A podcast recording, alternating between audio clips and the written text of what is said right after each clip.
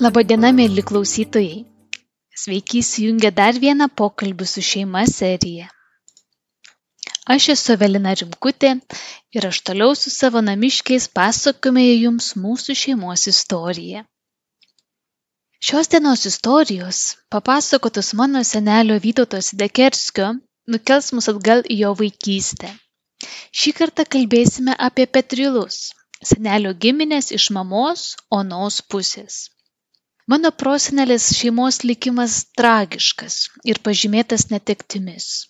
Ji, vyriausia sesuo, neteko tėčio gan anksti. Vėliau broliai išėjo į partizanus, slapstėsi ir dėja galiausiai mirė Sibire. Jos mama buvo taip pat ištremta ir dėja į Lietuvą nebegrįžo. Šiandien taip pat susipažinsime su geriausio mano senelių draugu Donatu Reipa. Kartu jie buvo neišskiriami draugai. Tačiau nelaimingas atsitikimas atėmė jauno vyro gyvenimą sulaukus vos 40 metų. Šis pokalbis yra bandymas suteikti vardus, istorijas ir puoselėti prisiminimus tų, kurių gyvenimas baigėsi ir buvo pažymėtas tragiškais įvykiais.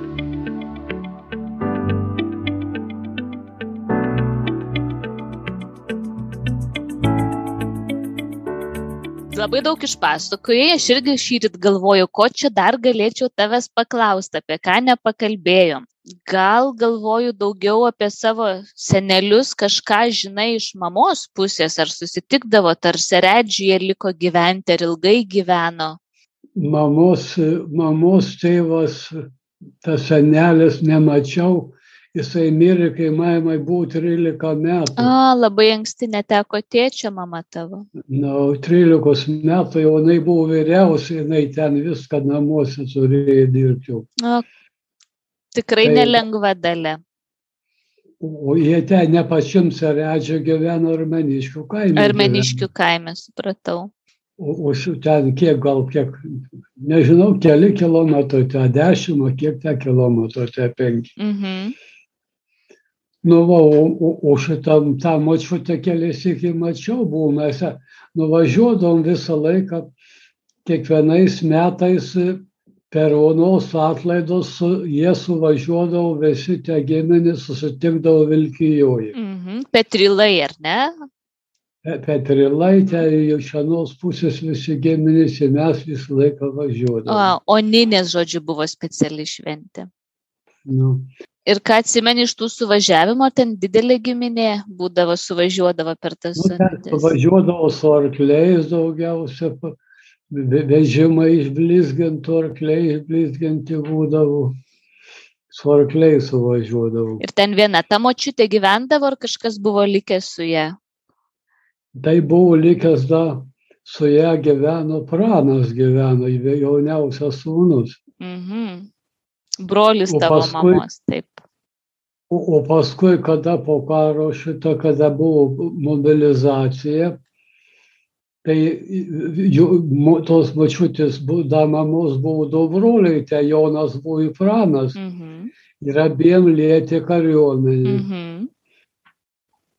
Nu tai va, tai šitas Jonas pas mumis lapčius buvo atvažiavęs, jis jau buvo vedęs, turėjo šeimą. Aha, supratau jau buvo du vaikai, o pranas dar buvo nevedęs. Tai tas Jonas pas mumis slapsis, o, o, o pranas čia slapsis namuose. Nu ir jisai te kažkaip iš to klojimo į namus ėjo ir jį stribai pamatė į suinį. Ta prano suinį jisai buvo kalėjime, nežinau kiek jis čia išbuvo. Mhm kiek, kiek jis čia, nu, neilgai, metus ten neišbuvo, mažiau jis buvo. O, o Jonas pas mumis. A, Jonas slapsis, pas mumis. Aha, supratau. Na, bet paskui, kai buvo vežimas, tai Jono šeimą išvežė ir močiutė išvežė. Ir močiutė išvežė į Sibirą. Nuo tuo metu pranas pranas buvo tuo metu kalėjime, močiutė į Sibirą išvežius. Jie gyveno kažkur ten pečioroj, pečioroj kažkur mm -hmm. buvo. Į tą močiutę ten pečioroj kūreno krosnis ten anglim, pagaravo galvą, jinai ten mirė. Kaip istorija paliečia gyvenimus ir labai nesmagu. O paskui tas jau Jonas prisidavė po kiek laiko jisai, jau ir šitą jisai gyveno laisvai kelis metus. Mhm. Ir paskui po kelių metų jį suėmė ir nuvežė pas šeimą. Aha. Jį išvežė į Sibirą. Mhm. Nu, į ten nuvežė jį, tai jo žmona gyveno ten su kitu kažkokiu, nežinau Mhm. jau. Į ten Jonas tas taiga mirė. Į tie mano pusbroliai, ten pu- pusbrolis ir pusseserė buvo, jie ten pasiliko, iš jų daugiau nemačiau. Mhm. Supratau. Jie negrįžo į Lietuvą jau. Supratau. O kai Jonas pas jūs slapstėsi, ar nebuvo baisu, kad gyvenate ir va, kada užeis tribai, kad ras, kad ir jūs išveš? Na, aišku buvo, aišku buvo. Jeigu buvo vietoj mano tėvelio buvo buvęs kitas galbūt nepriėmęs, bet jisai geros dušius, to jisai rizikavo. Mhm. Buvom pasidarę tokią slėptuvę ten, po palubė Mhm. ten buvo padaryta, jeigu ką. Bet čia kaip iš istorijų knygų, ten aš mokykloje mokindavausi, kad šuliniuose slėpdavosi, tai jūs įrengėte palubėje slėptuvę slėptis, ar ne? Nu, buvo tokia, kada dvigubos lubos yra, tai buvo ten daug vietos padaryta, ten palys galėdavai. Aha. Ir kokia būdavo rutina, jis ten tas tavo dėdė dažnai slėpdavosi, ar išlyzdavo kartais, ar naktim, ar kokią turėdavo sistemą? Jisai pastoviai gyveno pas mumis. Mhm. Man atrodo, kad gal daugiau kai metus jis čia gyveno pas mumis. Mhm. Kiek tau tuo metu metų buvo, čia jau tau koks 11, 12, 13? Man buvo 11 kokių metų buvo. O paskui, kai buvo tas didelis vežimas visas, tai mes irgi buvom su- sulindę į šiaudus, pa- pasislėpę šiauduose klojime. O iš kur, pavyzdžiui, žinojote, kad bus tas vežimas, iš kaip sklido informacija, kas vyko, papasakok. Nu, kai tai ta, matėm, kad šitą vežo kaimynus jau ten vis. Vienus kitus vežo. Ta, tada tai mes nieko nesupratom, bet paskui dar toks nedidelis vežimas. Gandai buvo tokie, kad vešvėl. Tada pasislėpdavom. O į šiaudus tai į, į klojimą eidavot, ar ne? Nu, Į klojimą lydavom jau. Mhm. Ir ten buvo 40 metais buvo pirmas vežimas. Taip. Tai pas mumis slėpės toks, Mhm. šalia mūsų buvo kaimynas Teknevičius. Jisai buvo, buvo inžinierius, lakūnas. To, ten buvo toks aukštas namas, jau, jau, jau, jau turbūt jau dabar nebuvo ten, jau dabar nugriautas. Nu tai kai buvo, tai jisai pas mumis klojime irgi slėpės. O paskui 45 metais jau kai traukės vokiečiai, tai Teknevičius atvažiavo pas mumis, pasikinkęs arklė buvo su vežimuku, atsisveikino, išvažiavo Vokietijai. Jisai Mhm, pasitraukė. Mhm. nepasiliko. Taip, tai yra rizikinga tuos padėti ir slėpti žmonės, ar ne? Ar daug namie būdavo diskusijų, ar Nu, čia tai- slepiam, ar, ar ginčydavotės, nes streso baimės visiems yra, ar ne? Nebuvo jokio ginčio, ramu, tylu, nešnekėdavo apie taip nieko visiškai. Mhm. Nu, je- jeigu pas ką rasdavo, kas lepęs, tuos į Sibirą išvežė. Mhm. O jeigu rasdavo pas ką miškiniai slėpdavos, tai sudegindavo namus. Baisu. Nu, čia riziko viską laiko. Pas mumis miškinė eidavo, eidavo. Mhm. Ir kai ateidavo, tarkim, apie miškinius kalbant, ar dideli būriai, ar tie patys žmonės, ar jau matyti veidai būdavo, ar vis kiti? Te pas mumis būdavo daugiausia kaimynai. Mhm. Nu, ten ne iš mūsų kaimo, ten iš virbalinų, kitų kaimų, ten daug vyrų buvo. pažįstami ateidavo. Mhm. At- Ateidavo valgyti, prašydavo, tai, Mhm. tai, tai klausdavo tribūnė yra. Mhm. Nu, jeigu, jeigu šitai būtų susitikę, būtų sudeginę, sušaudę. Na taip, taip, taip. Supratau. Ar kažką pasakodavo tiek tie besislėpiantis dėdės, tiek tie stribai, kažkas, kas tau likė atminti, ar tu su jais bendraudavai, ar būdavo galima tau su jais kalbėti? Nu, tas dėdės pasako, jis iš pradžių į mišką buvo išėjęs. Mhm. Buvo išėjęs į mišką, jis pasako, jis sako, kaip vieną kareivuką rusų, sako, pagavom Mhm. ir sako, taip vienu žodžiu, kad gaila jau buvo, bet sako, vis tiek mes jį turėjom sunaikinti, kad mumis neišduotų. Nu taip, taip, taip, karas Nu. žiaurus, ar ne? Nu, Situacija tikrai ne iš, ne iš lengvųjų ir, ir tiem ir partizanams sunku, ir tie kareivukai ne savo norų tam kare. nu tai partizanai žūdavo, žūdavo. Mhm. Buvo mes papuolę su, su Reipokuvo, šitą buvo atlaidai, kulautų vaikai tik, Aha. Antano atlaidai birželio 13. Mes pas Reipuką braškas valgom sodę, o ten pradėjo miškiniai susišaudyti su stribais, Aha. miškinius užėjau. Nu, tai mums tai kulkos tik zvimbė, zvimb, zvimb, zvimb, zvimb, netoli buvo. Tai nušovė vieną kaimyną, nekrošių tokį nušovė, Aha. paguldė stribą tą, nestribau tą miškinį, paguldė. Kaimą sukvietė pa- atpažintų, kas toks. Bet Mhm. niekas neprisipažino, į brolį, pakė- brolis ir motina atėjo, neprisipažino, kad čia jau Mhm. Kaip sunku šeimai, ar ne? Kad Nu, dėl išgyvenimo negali širdgėlos parodyti. Nu, va, tai buvo. Mhm. O ką galvodavai tuo metu, kai gyvendavai? Ar, ar, ar pykdavai, ar, ar, ar, ar tiesiog priimdavai, kad negali nieko padaryti ir tiesiog stebi, stebi tuos įvykius? Nu ką, mes bejėgiai buvom, ką mes nieko negalėjom padaryti. Mm. O tie stribai, ar jie buvo lietuviai, jeigu galiu paklausti, ar jie buvo lietuviai, ar jie buvo rusai, ar buvo pažįstamų dirbančių stribuose, tai yra darbas, turbūt irgi žmonės dirbdavo.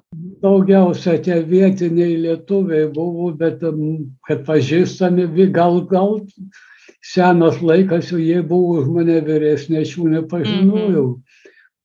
Bet buvo žinomi tie daugiausia, raudondvarus stribai pas mumis. Mhm. Mm buvo, kad iššaudęs stribus, Vilkijos stribus, Redžios stribus buvo iššaudę miškiniai tie naktį. Oho. Mhm. Ir taip atrodo, žinai, iš tų pasakojimų dėliojasi, kad iš tikrųjų daug vyko ir to karo metu, ir tie partizanai, ir tie stribai, ir pas jūs užsukdavo tos ramybės, nebuvo ramaus gyvenimo. Nebuvo ramybės. O tas dėdė, kuris metus pas jūs gyveno, aš dažnai atsimenu, kad kartais pas mus, kai aš augau, kai dėdės atvažiuodavo, jie tokie būdavo žaismingi, su manimi žaisdavo ir visa kita. Ar tas dėdė turėjo laiko irgi vaikams, ar labiau buvo tiesiog susirūpinęs? Nu, nu, jisai buvo toks aktyvus, aktyvus, žaisdavo, jisai buvo, ne, Mhm, vieno žodžio kalbėdavo daug. supratau. Labai gerai, kad mūsų geri kaimynai, tie kaimynai gali pastebėdavo, bet neišdavė mumis. Mhm, mm, supratau. Tai kaip manai, kodėl pavyko, kad jūsų neišvežė į Sibirą? Ar buvo kažkas specialaus, ką darėte, ar tiesiog sėkmė, ar... ar... Nu, man atrodo, kad už tai, kad su niekom nesipykdavo. Mhm. Tėvai, seneliai su niekom neturėjo piktumų. Jeigu kas turėjo ko piktumus, jis skūsdavo, išveždavo, Aha. kas pykdavos. Mhm. Čia nereikėjo priežasties daug. Mhm. Ką nors sufabrikuodavo, pasakydavo, kad tą, tą, tą išveždavo. Baisu. Aš dažnai tavo pasakojimuose girdžiu apie tavo draugą Reipuką. Nu, Pristatyk savo draugą, papasakok apie jį, koks jo buvo vardas, kur susipažinot, ką kartu veikėt. Nu, mes buvom vienmečiai, buvome neišskiriami, buvom visą laiką. Koks jo buvo vardas? Donatas buvo, Reipa. Mhm. Nu, va, tai mes buvom neįskiriami draugai, vienmečiai, jisai buvo daug mažesnis už mane, Mhm. bet jisai paskui užaugo, išeida, išėjęs į kariuomenę. Aha, vėliau augo. Mhm. O paskui paaugo, da, nu, Ar kartu gal tarnavote ir kariuomenėje? ne, ne jisai anksčiau išėjo, jisai, matai, jisai niekur nesimokino, tai jį paėmė 19 metų, o aš jau 20 metų išėjau. Mhm. Jisai gelškeliečių kažkur tarnavo, iš kariuomenės grįžo. Ir paskui jau jisai pasiliko gyventi Kaune, Mhm. dirbo vairuotoju. Mhm. Vairuotoju dirbo, turėjo šeimą, viską. Nu ir jam buvo 40 metų. Jisai Kaune broliui, ne broliui, draugui kažkokią mašiną padėjo taisyti. Mhm. Nu, ant duobės susivarė taisį mašiną. Mhm. Nu, į ten matyt gal rūkė jie, kaip užsidegė, sudegė. ten. Labai, nes labai skaudi ir ankstyva mirtis. Labai. 40 metų būdamas sudegėsi. Mhm. Nes, nesmagu. O jūs susipažinote kur su juo, nuo kada buvote neišskiriami, kokia jūsų draugystės pradžia? Nu, Tai nežinau, kad te savaime mes šalimai sodybos buvo. Aha, jūs kaimynai buvot. Kaimynai buvo artimiausi. Mhm.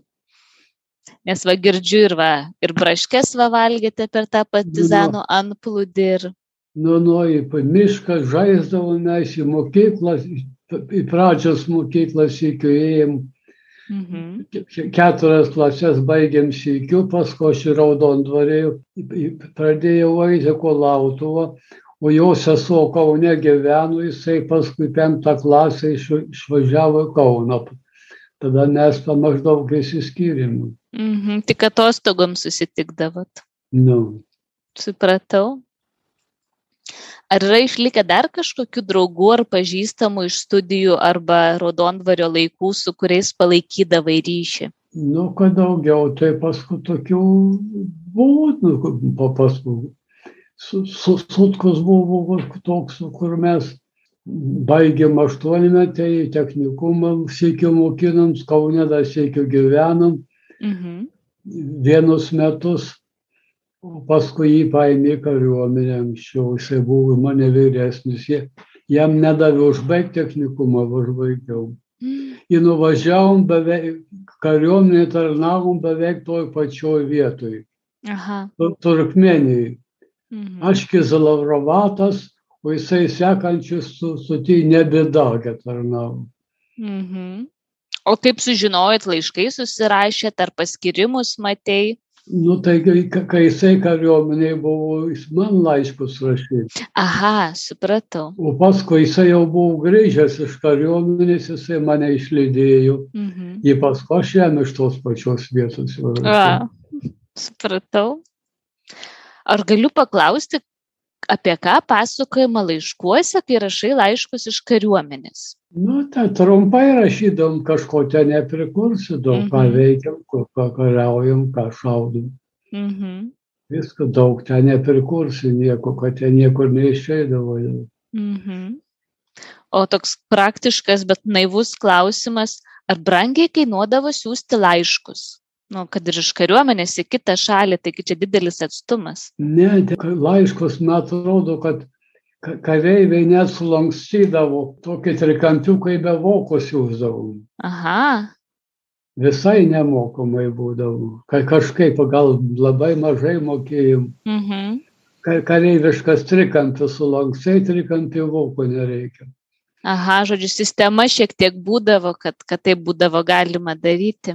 Nu, mato, kad kariniais daliniais kariuomenė nereikėdavo. Aha, supratau. Ar galėdavai gauti siuntinių iš namų arba siūsti kažką?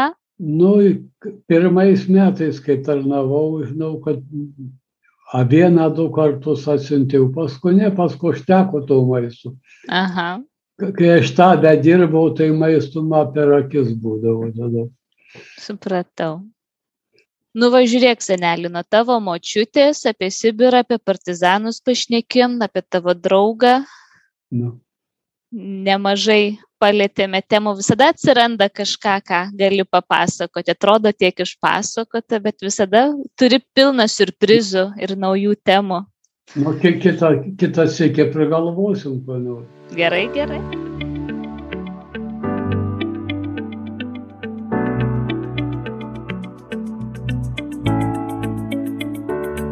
Jau esu minėjusi, kad man svarbu girdėti istorijas apie gyvenimus prieš mane, istorinius įvykius ir potyrius iš dar gyvų liudininkų. Tik taip aš galiu suvokti, kiek jau buvo gyventa prieš mane ir kur aš šiuo metu esu. O šiandien atsisveikinu linkėdama gražaus likusio vakaro. Nuoširdžiai jūsų Evelina.